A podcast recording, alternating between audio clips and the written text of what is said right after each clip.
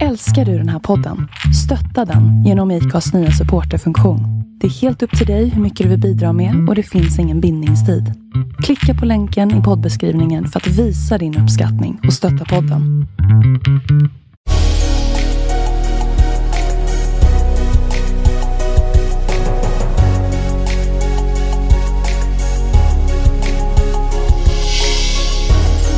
Välkommen till podden Vart är vi på väg? I denna podd intervjuar vi sociala entreprenörer och andra personer som är involverade i ekosystemet kring socialt entreprenörskap. Vi vill ge dig som lyssnare tips och inspiration till hur innovativa idéer och entreprenörskap kan vara lösningen på de samhällsutmaningar som vi står inför. Vi vill även inspirera människor till en livsstil med hållbara vanor och vi vill självklart lyfta fram alla fantastiska sociala entreprenörer i rampljuset. Välkomna till dagens avsnitt där vi idag har med oss Katrin Rudbeck Sageryd som grundat företaget Mekina.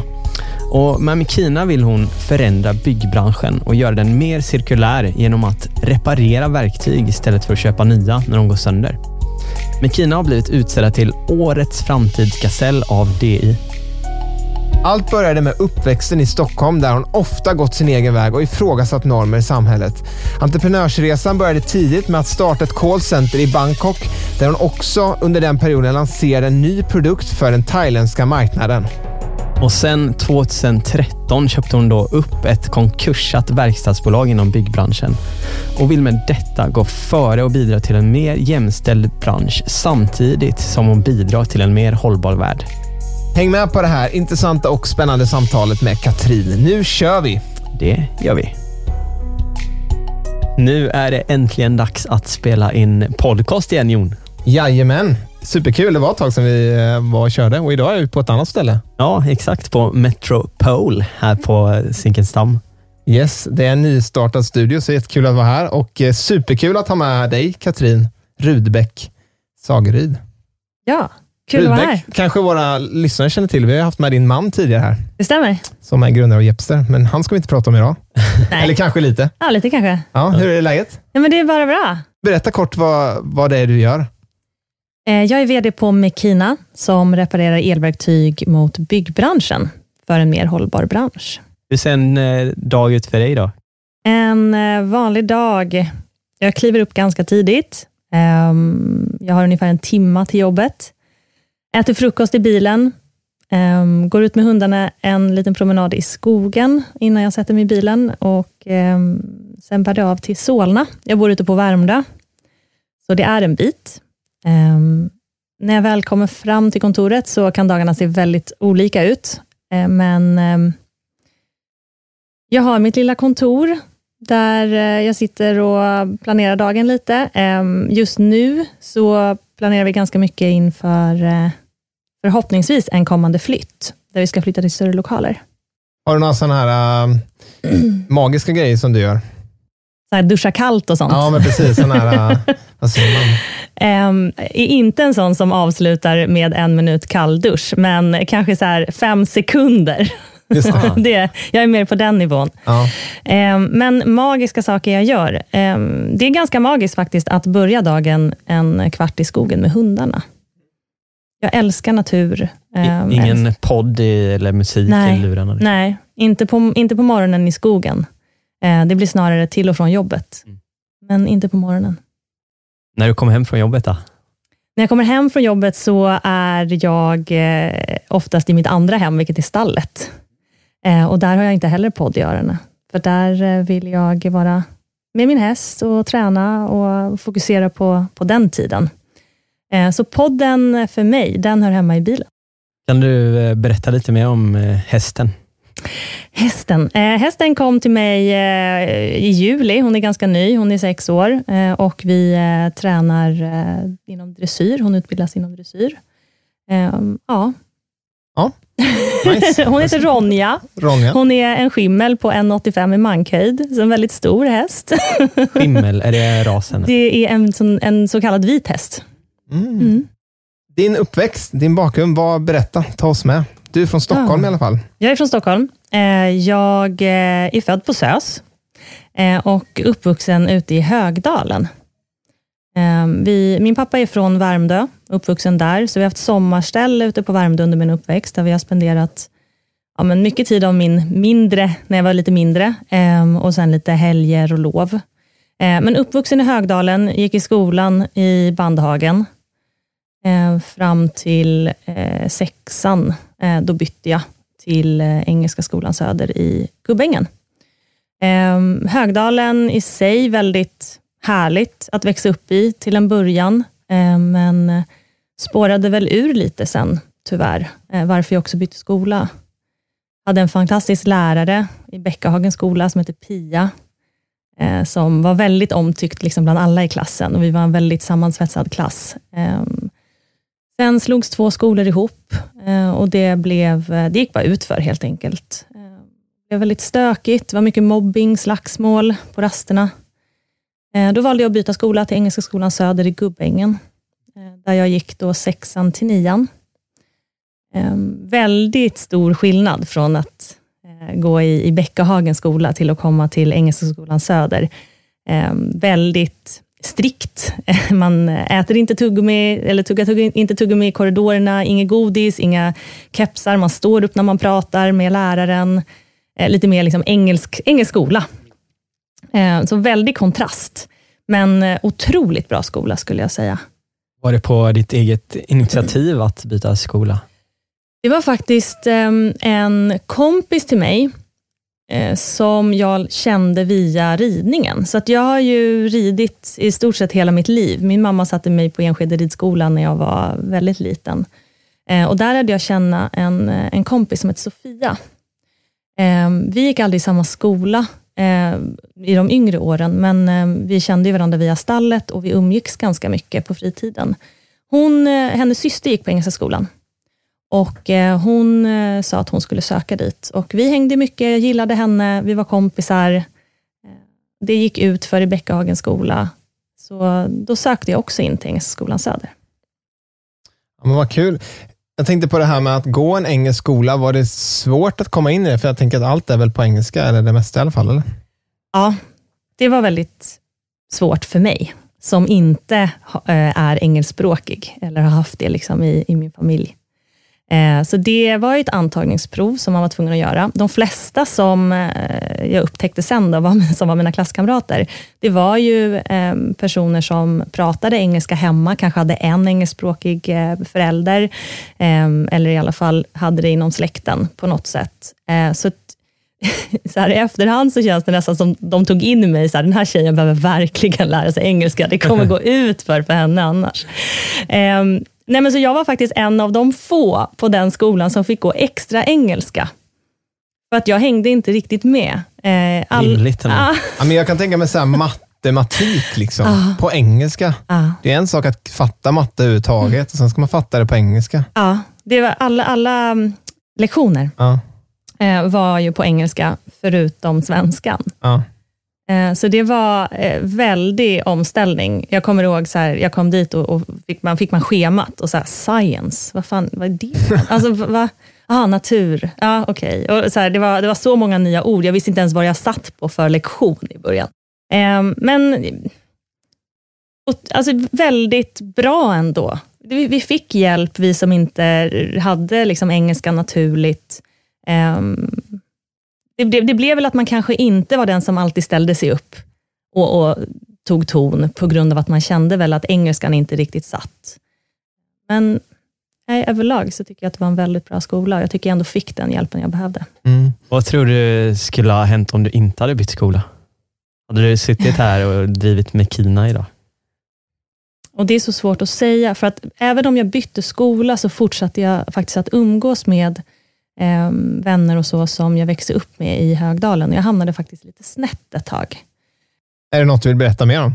Ja, men, tillbaka till djur då. Mm. Nej, men hästar har ju alltid varit en, en del av mitt liv, eller inte alltid, för det, det kom en period där, eh, när man kom upp i, i tonåren, där eh, hästar var ju töntigt. Eh, det kunde man inte hålla på med.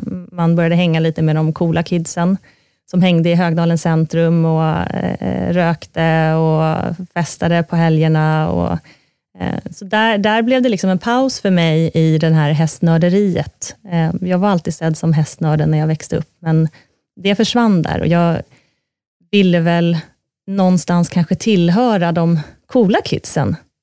Och det är ju inte alltid så bra. Ehm, så att jag ehm, la hästarna på hyllan uh, och började egentligen smygröka, festa och göra andra dumheter på, på helgerna.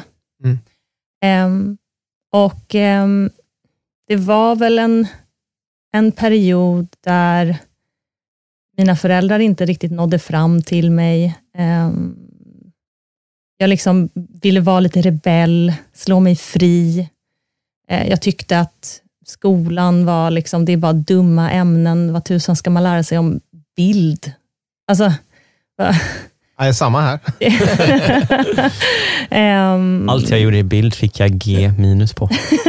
jag var faktiskt bra i bild. Ah. Uh, så att jag borde väl egentligen uh, tycka att bild ska man behålla. Men uh, det, det kommer väl en period där jag ifrågasatte väldigt mycket i liksom skolan och i samhället och eh, Eh, hur vuxna tyckte att man skulle, det gör väl kanske alla ungdomar på något sätt, när man liksom försöker eh, sätta sig emot vuxenvärlden lite. Eh, jag gick på Rytmus sen i gymnasiet, vilket är en artistskola. Så jag älskar att, sjunga och jag älskar musik och jag älskar bild.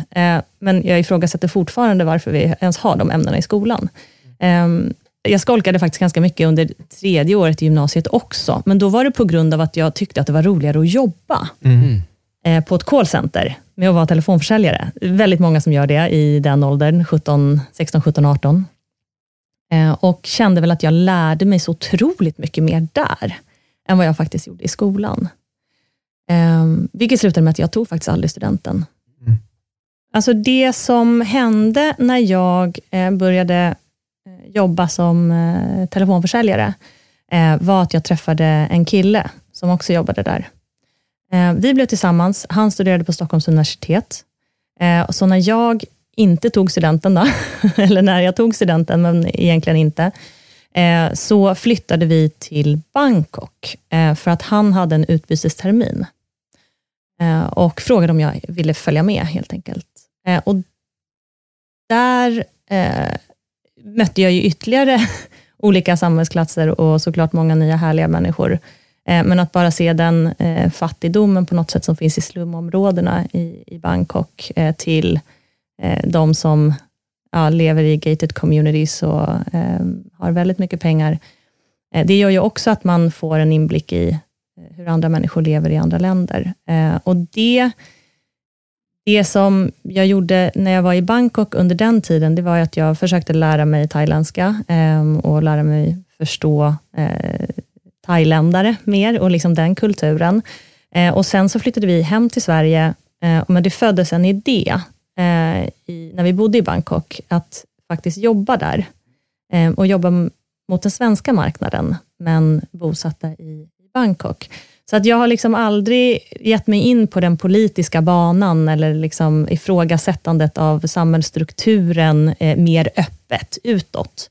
Utan det är snarare att jag har, jag har bara hoppat på massa olika saker där jag kan få fram min lite kreativitet mm. Mm. Eh, och få iscensätta liksom hur, jag, hur jag vill bygga bolag eh, och hur jag på något sätt kan påverka samhället via det istället.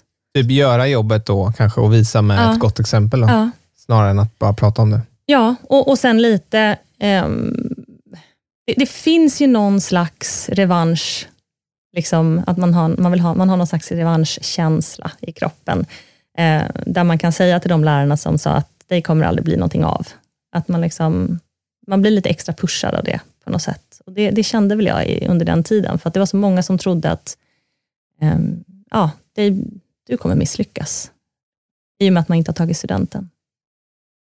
Men det här eh, callcentret då i Bangkok, blev det någonting av det? Eller ja. stannade det på idéplanet? Ja, vi bodde där i några år ehm, och hade svenska eh, anställda i Bangkok. Då.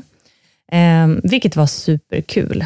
Jag lärde känna väldigt många, både svenskar då, som kom ner och jobbade, men också amerikanska vänner som bo, bosatta nere i Bangkok. Men hur upplevde du den här tiden, att eh, ändå få skapa någonting?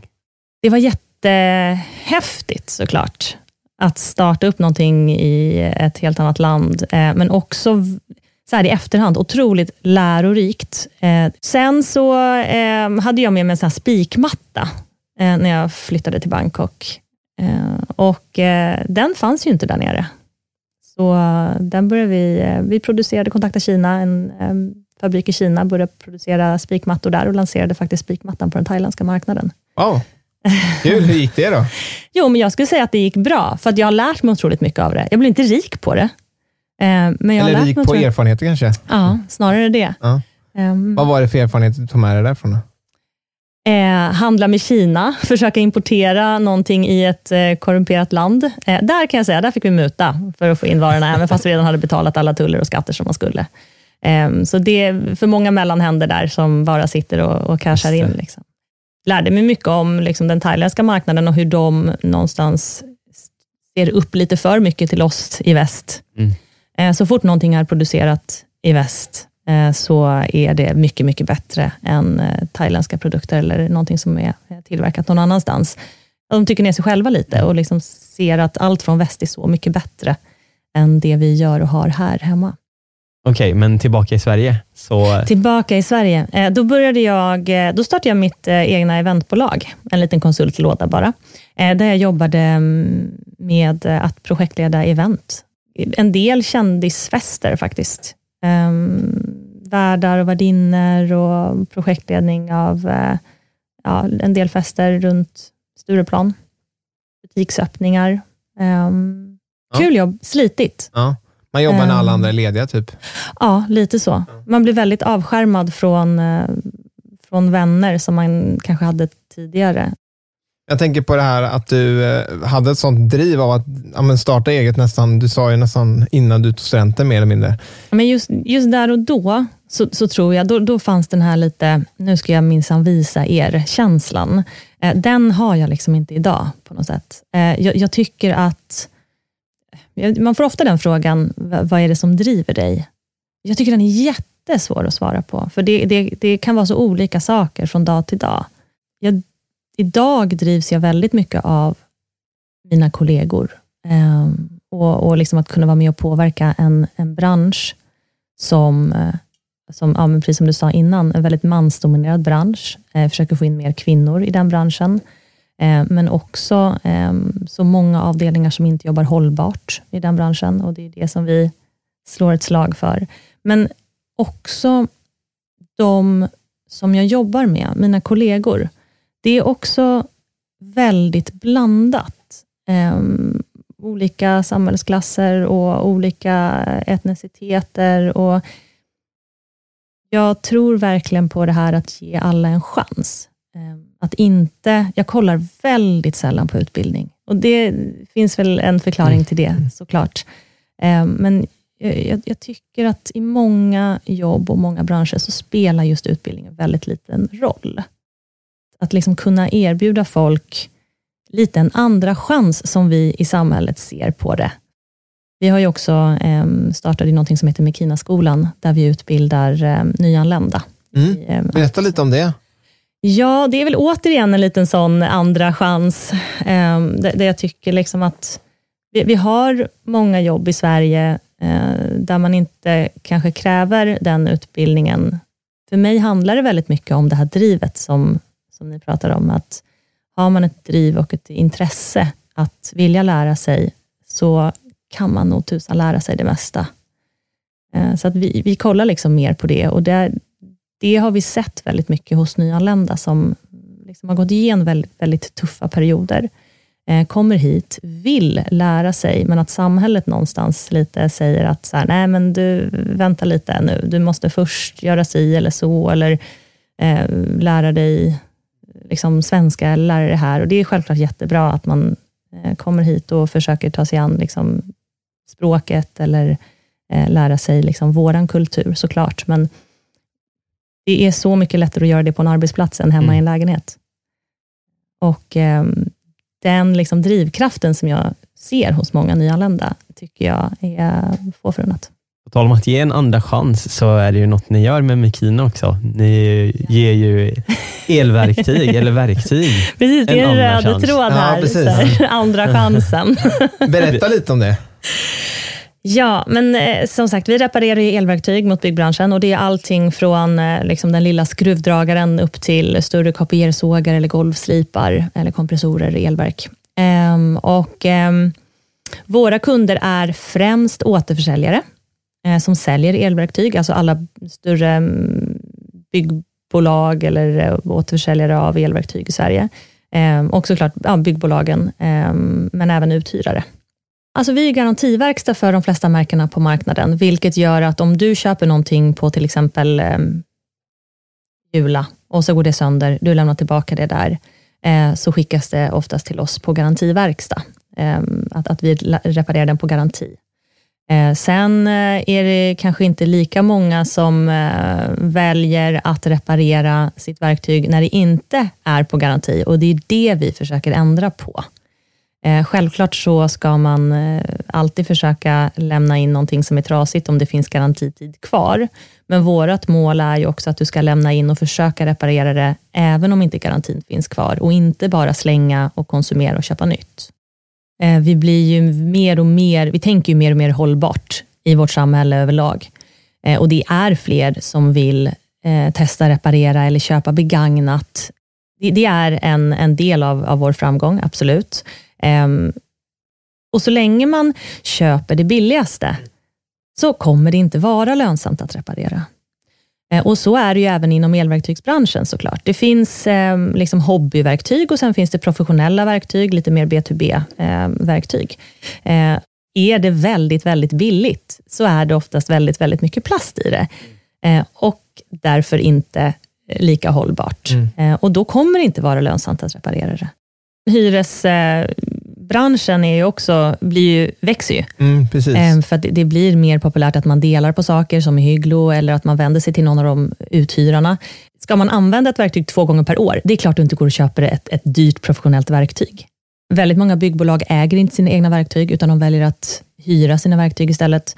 Ehm, så det blir ju mer och mer populärt och vi, vi, blir ju, vi har ju ett mer hållbarhetstänk idag än vad vi hade tidigare. Eh, men så länge det finns, det är väl som med droger, så länge det, liksom det finns köpare, eller med prostitution, så länge det finns köpare så kommer det alltid finnas. Mm. Och så är det ju liksom med, om man ska hårdra det, med, med billiga verktyg eller billiga kläder eller liksom i allt. Berätta lite om er resa. Ni köpte upp ett konkursbo. Mm. Eh, din pappa var med. Berätta om eran, liksom, hur kom det sig att ni gjorde det här ihop ja. och hur har ni vänt det här eh, skeppet då, som var under ja. vattnet? Ja, min, min pappa har jobbat inom byggbranschen nästan hela livet. Um, och um, uh, Jag har ju egentligen bara typ drivit bolag. Så där skiljer vi oss åt väldigt mycket. Men när jag, eh, jag gick faktiskt lite in i väggen uh, under en period. Uh, och Efter ett ganska dåligt uppdrag, ett konsultuppdrag, där jag verkligen inte trivdes med kollegorna och hade en ganska dålig chef ja, men då gick väl jag tillbaka lite i mitt så estetiska sinne, med började måla, eh, höll på mer med musiken. Men, men jag saknade hela tiden det här med att, att skapa någonting, eh, att, driva, att driva företag. Eh, så min pappa fick nys om ett företag som var på väg att gå i konkurs. För de hade väldigt stora skulder till det bolaget som han jobbade på då. Och la fram en liten sån, ja men tusan, ska du inte komma in i min bransch då? Jag kunde ju ingenting om byggbranschen eller elverktyg. Ehm, men pappa har sagt, under hela tiden som jag har drivit bolag, så har han sagt, fasen vad coolt. Tänk att liksom kunna någonstans ligga där på dödsbädden och tänka, men jag har fasen skapat någonting själv. Jag har inte bara jobbat för någon annans visioner och mål, och, eller för att någon annan ska liksom tjäna pengar på mig. Eh, så att jag visste att hans dröm har alltid varit att också driva någonting och bygga någonting själv. Så när han eh, la fram den idén, eh, så hoppade jag på ganska snabbt. Och tänkte, ja men tusan, vi åker och kollar på det här företaget. Då. Och så gjorde vi det. Ehm, och jag, är väl, jag tar väldigt stora risker oftast. Jag är väldigt impulsiv och går väldigt mycket på magkänsla. Så att jag var väl ganska direkt så här, ja tusan, fan vad kul, det här gör vi. Gud vad kul att lära sig byggbranschen, kunna komma in i, liksom, i en mansdominerad bransch och se vad som händer där. Och liksom, jag är väldigt orädd av mig. Um, pappa är väl lite mer försiktig i och med att han har inte drivit företag förut och han har liksom inte kastat sig ut. Han jobbade på ett bra, stabilt bolag, eh, liksom chefsroll, bra lön. Ehm, ja, tyckte väl att det var lite läskigare än vad jag tyckte. Ehm, men sen ehm, så la jag faktiskt ett skambud på det här konkursbot eh, under, eh, medan pappa satt på, i ett möte en hel dag. nice. Eh, så när han klev ut från det här mötet så, så, ring, så ringde han upp mig när han såg att jag hade ringt honom. Och så sa jag, ja det är vårt om vi vill ha det. Och vad var det han sa då? Jag, jag tror han, han blev bara tyst och sen sa han, nu jävlar är det skarpt läge. han är ingen sån här som bara blir stressad och tar fram Excel-arket? Nej, nej, nej. nej. Nej, men då, då körde vi. Och så, han jobbade kvar på företaget, då, för han, eh, det var väl lite så här, ska han våga säga upp sig? Kommer det här flyga eller inte? Så att jag eh, började driva det. Um, och Sen så kunde jag ju alltid då ringa pappa och fråga om uh, elverktyg, liksom, för jag kunde ju ingenting. Men jag tänkte att eh, jag samlade på mig alla kataloger jag kunde hitta. Och tänkte, liksom, men hur svårt kan det vara? Det är klart, det är väl bara att plugga.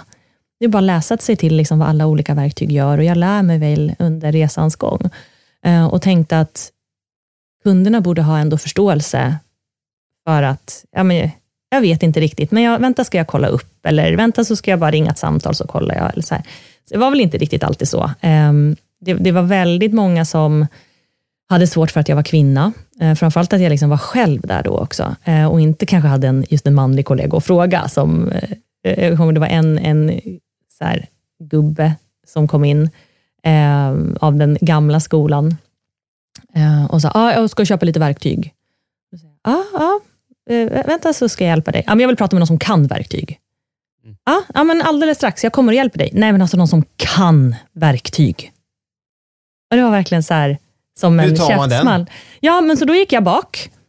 Och sen så bara gick jag ut igen och bara, tada! nice. Det gick bara någon månad eller två.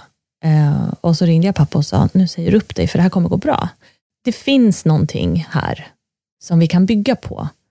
Och Han sa faktiskt upp sig då. Och Sen dess har han alltid haft hand om butiken och kunderna i och med den produktkunskap som han sitter på. Och så har jag liksom kunnat fokusera mer på, på utvecklingen och eh, liksom verkstaden och hur vi ska eh, tänka eh, hållbarhetsmässigt och hur vi ska branda oss och så. Berätta lite, vad är det för grejer som du vill förändra och ni har varit kanske bidragande till det är väl flera saker egentligen. Jag har alltid velat få in fler tjejer i byggbranschen, eh, sen jag började jobba där, såklart. Um, jag vill få bort lite den här... Det är också en, en, en kul grej som jag märkte väldigt tidigt, att när jag svarar eh, Mekina, det är Katrin, säger oftast eh, kunden tillbaka, jaha, hamnar jag på ekonomiavdelningen nu? Det kan man ju säga vad man vill om, men går man in och kollar på de flesta byggföretagen, så ser det faktiskt ut så.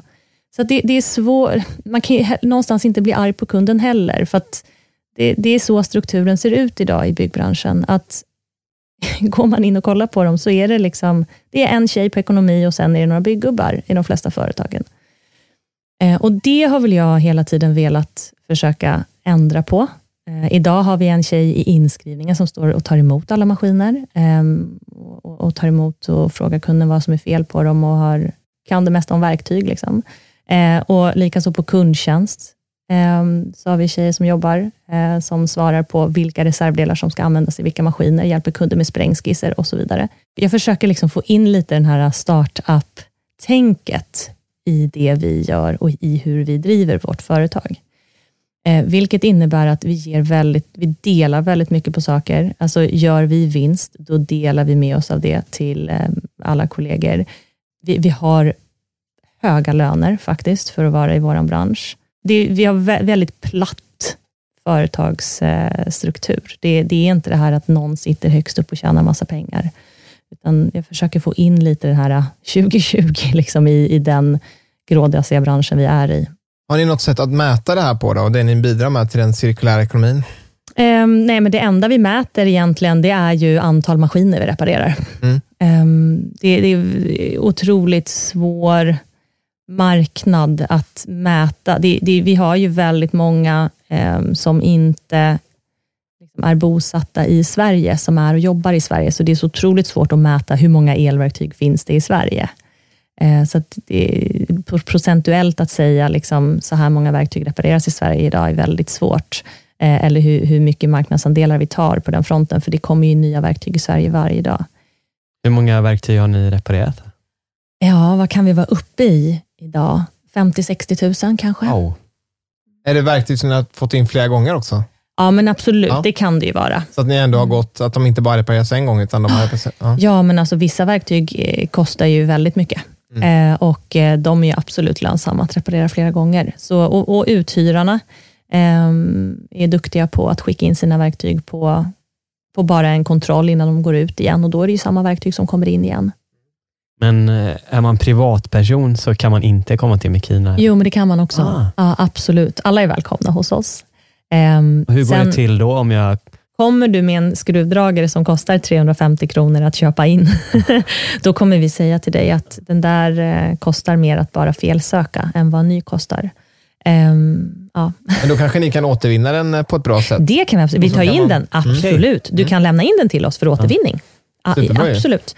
Då kan du även få lite rabatt i butiken Ah. om du handlar Så nytt. ni säljer liksom också Ja. nya, eller? Ja, precis. Det gör vi. Men eh, folk som inte bor i Stockholm då, och jag antar att ni har ju kunder inte bara Mm. här omkring. Vad, vad har ni mer än er fysiska butik och verkstad? Ja, majoriteten av de verktyg vi får in skickas ju till oss från alla återförsäljare runt om i Sverige. Eh, Och ehm, Det är de som skickar in dem till oss, alternativt bokar hämtning. Jag kan tänka mig att ni har, eller du har ännu fler liksom, eh, utvecklingstrådar som du drar i och planerar Ja, där hela i tiden. kontoret. Vad, vad är på kul. gång liksom framöver? Vad, vad är, the sky is the limit eller vad, Ja, hur stora kan ni bli? jag eh, är ganska dålig på långsiktiga mål, ska jag vara ärlig med att säga. Eh, Men vi kortsiktigt då? Ja, men kortsiktigt. Alltså just nu är vi inne i bygga lönsamhet. Mm. Vi har ju hela tiden eh, vuxit eh, liksom organiskt. Vi har inte tagit in några pengar eller någonting, utan vi har återinvesterat allting som vi har tjänat. Eh, Och vi har fokuserat väldigt mycket på eh, ja, men växa. Eh, Och nu har vi väl landat i att vi eh, ska börja bli lite mer lönsamma också. Vi har alltid varit lönsamma, men eh, nu ska vi bygga lite mer så att vi kan göra lite större investeringar i framtiden. Eh, Så de kommande, nu har det gått ett år, men de kommande två åren, då, så vi har satt ett tre, treårsmål eh, och det är ju eh, ett lönsamhetsmål, då, att komma upp i en eh, viss lönsamhet i procent Mm bolaget. Så det är det vi jobbar för nu. Men det är så svårt, för att jag älskar att investera i nya saker. Så det kliar lite i fingrarna på mig. Och nu med det här att vi tittar på att flytta till en ny, större lokal, det ligger inte alls i pipeline för att jobba lönsamhet. Men samtidigt så um, vi, vi, vi får jobb kastat på oss och vi har eh, anställt väldigt många nya tekniker bara senaste eh, månaderna. Mm. Eh, Och vi behöver större lokaler. Så att, ehm, vi lever ju ändå i en speciell tid just nu. Har det, hur har det påverkat er? Eller har det påverkat? Um, Ja, men det har det absolut. Det påverkade oss väldigt mycket i början. Ehm, um, framför allt för, jag, jag tror att väldigt många blev ju rädda när corona kom uh, och kände att man inte vågade vistas uh, liksom ute bland folk. Har man inte bil ville man inte åka kommunalt. Så vi hade väldigt lite personal där i början och det påverkar ju såklart. Kostnaderna sjunker ju inte bara för att det är corona. Eh, så att vi hade ganska, ja men det blev låg omsättning då, men, men våra fasta kostnader bestod. Eh, så i början var det väldigt, väldigt tufft. Ehm, vi fick göra ganska drastiska åtgärder med att, att dra ner på personal. Eh, vi fick även såklart se över våra fasta kostnader. Och sen har det här vänt. Och jag vet inte, jag, jag, de som vi har fått in väldigt mycket av nu på verkstaden, det är återförsäljare mot just konsument. Eh, för att de har ju varit hemma, permitterade, haft tid att lägga eh, tid och pengar på sina sommarhus eller lägenheter. Köpt väldigt mycket verktyg, material. Eh, så det har liksom blivit en explosion där. Och så det har ju vänt. Sen så hade vi även en liten fond som vi har lagt in för några år sedan, när vi gjorde ett lite bättre resultat inför framtiden, som vi kunde ta av nu. Eh, vi brukar ju alltid fråga liksom, vad är eh, socialt eller impact, entreprenörskap, vad man nu vill kalla det. Vad är det för dig? För mig är det en självklarhet i hur man ska driva företag idag. Ehm, Ska man, funderar man ens på att starta ett, ett företag och driva eget, eh, då är det så, jag, jag, tycker det är så otroligt viktigt att ha med hur påverkar, vad, vad gör jag för nytta i samhället? Ehm, att bara starta ett företag för att tjäna pengar idag, det är så jäkla ute. och det kommer inte gå. Investerare kollar inte på det. Investerare vill investera i gröna bolag. Ehm, folk vill jobba för personer som gör ett impact på samhället, eller man, man vill känna att man bidrar till någonting. Det här liksom egot, det, det är så passé på något sätt. Ehm, så ja, en självklarhet idag tycker jag. Vi brukar alltid ställa den här frågan liksom, om tio år framåt. Vad tror du att vi är någonstans? Vad, hur har utvecklingen skett? Alltså över i stort i världen. Mm. Liksom. Oh, har vi kommit närmare, tänka fritt. Har vi kommit närmare dit vi vill eller mot ett positivare ah, samhälle? Eller alltså det är vi... så himla svårt. Um, jag tror vi står inför enorma utmaningar, alltså både med klimatet och hela det här hållbarhetstänket. Eh, men jag tror också en av de större eh, utmaningarna vi står inför, det är ju det här med, eh, med sociala medier, liksom internet, allt som vi har tillgång till idag, psykisk ohälsa bland unga, liksom hur det påverkar. Du, du, du, möts liksom inte av hur andra tycker, tänker, tittar på, vill vara med i diskussioner kring, utan du, du ser hela tiden bara din värld. Då tappar du ju lite den här sättet, ja men kanske så som jag kände när jag eh, gick i gymnasiet, att liksom, det här ifrågasättandet. Eh, för du får aldrig se någonting annat, så du börjar aldrig ifrågasätta liksom det, hur du gör, eller det du tittar på, eller hur du lever. Då, då tappar du hela den här liksom, lite källkritiken, eller var, varför gör jag si och så? Liksom, för du ser inte riktigt hur andra tänker. Det, det tror jag vi kommer ha problem med. Eller det har vi redan problem med, det har vi sett. Ehm, men jag tror det kommer bli värre, tyvärr. Vilka är dina bästa tips till en person som vill liksom förena just företagande med att skapa positiv förändring, positiv samhällsförändring? Ja, um, det första tipset är att det är en självklarhet att man ska göra det. Försök inte starta ett företag som inte påverkar samhället mot det positiva. Um, men sen också, eh, sök dig till andra företagare. Gå med i grupper på Facebook. Eh, alltså integrera liksom med andra personer som, som driver eget. Kanske hitta en mentor, eh, där du får tips och tricks i hur du ska tänka just i början. Eh, det finns väldigt mycket stöd man kan söka eh, ute på vad är den här, min verksamhet eller Tillväxtverket och så, som man kan gå in och läsa om. Vi har väldigt, väldigt mycket stöd i Sverige idag för att starta eget företag. Jag tycker att många av dem som eh, man får ofta höra, gud vad häftigt och du startar eget och det skulle jag också vilja göra. Gud vad coolt. Och det, det, det, det är, det, vi har det ganska lätt i Sverige. Vi har ett väldigt bra skyddsnät. Har du en idé som du tror på och som påverkar samhället mot det positiva, du har några du kan rådfråga, ja men testa. Eh, du, du, hamnar inte på gatan. Sen är det klart att man inte ska ta dumma beslut och val eh, liksom i livet, men, men vågar man, så är Sverige fasen det bästa landet att testa i. Man kanske inte ska säga upp sig från sitt jobb och bara kasta sig rakt in i det nya man gör på, på, på en och samma dag. Eh, väldigt många startar sitt företag vid sidan om det jobb man har idag. Och Har man liksom den drivkraften, då finns tiden till det. Eh, och mm, ja, det så du rekommenderar fler att testa bara? Jag rekom ja, jag rekommenderar fler att absolut inte ta dumma beslut som mm. att säga upp sig och bli av med lägenhet och allting. Liksom. Mm. Men, men att, att testa, starta eget, någonting litet på sidan, eh, tillsamm gärna tillsammans med någon, så man kan bolla idéer. Eh, det är ganska tufft att driva ensam eh, och det är roligare när man är fler. Så hitta gärna en, en kompanjon eh, som man vill driva det här med. Driv det vid sidan av det jobb du har idag till att börja med, tills du vet eh, för det första om du tycker det här var så kul som du trodde att det skulle vara, men också om det finns en marknad för det och det påverkar samhället mot det positiva. Eh, så testa. Vad har du lärt dig på din resa då? Någon sån här, uh, säg dina topp två. Jag eh, har lärt mig väldigt mycket att delegera. Eh, tyckte väl att, eller ville väl göra allting själv från början, för att det, man, man, kunde det bäst och man tyckte att man gjorde det bäst. Och det funkar inte när man växer. då måste man delegera, för man kan inte vara på alla positioner hela tiden. Så det har jag lärt mig och det finns bara positiva erfarenheter från det. Det är det absolut bästa lärdomen jag har av att eh, driva eget.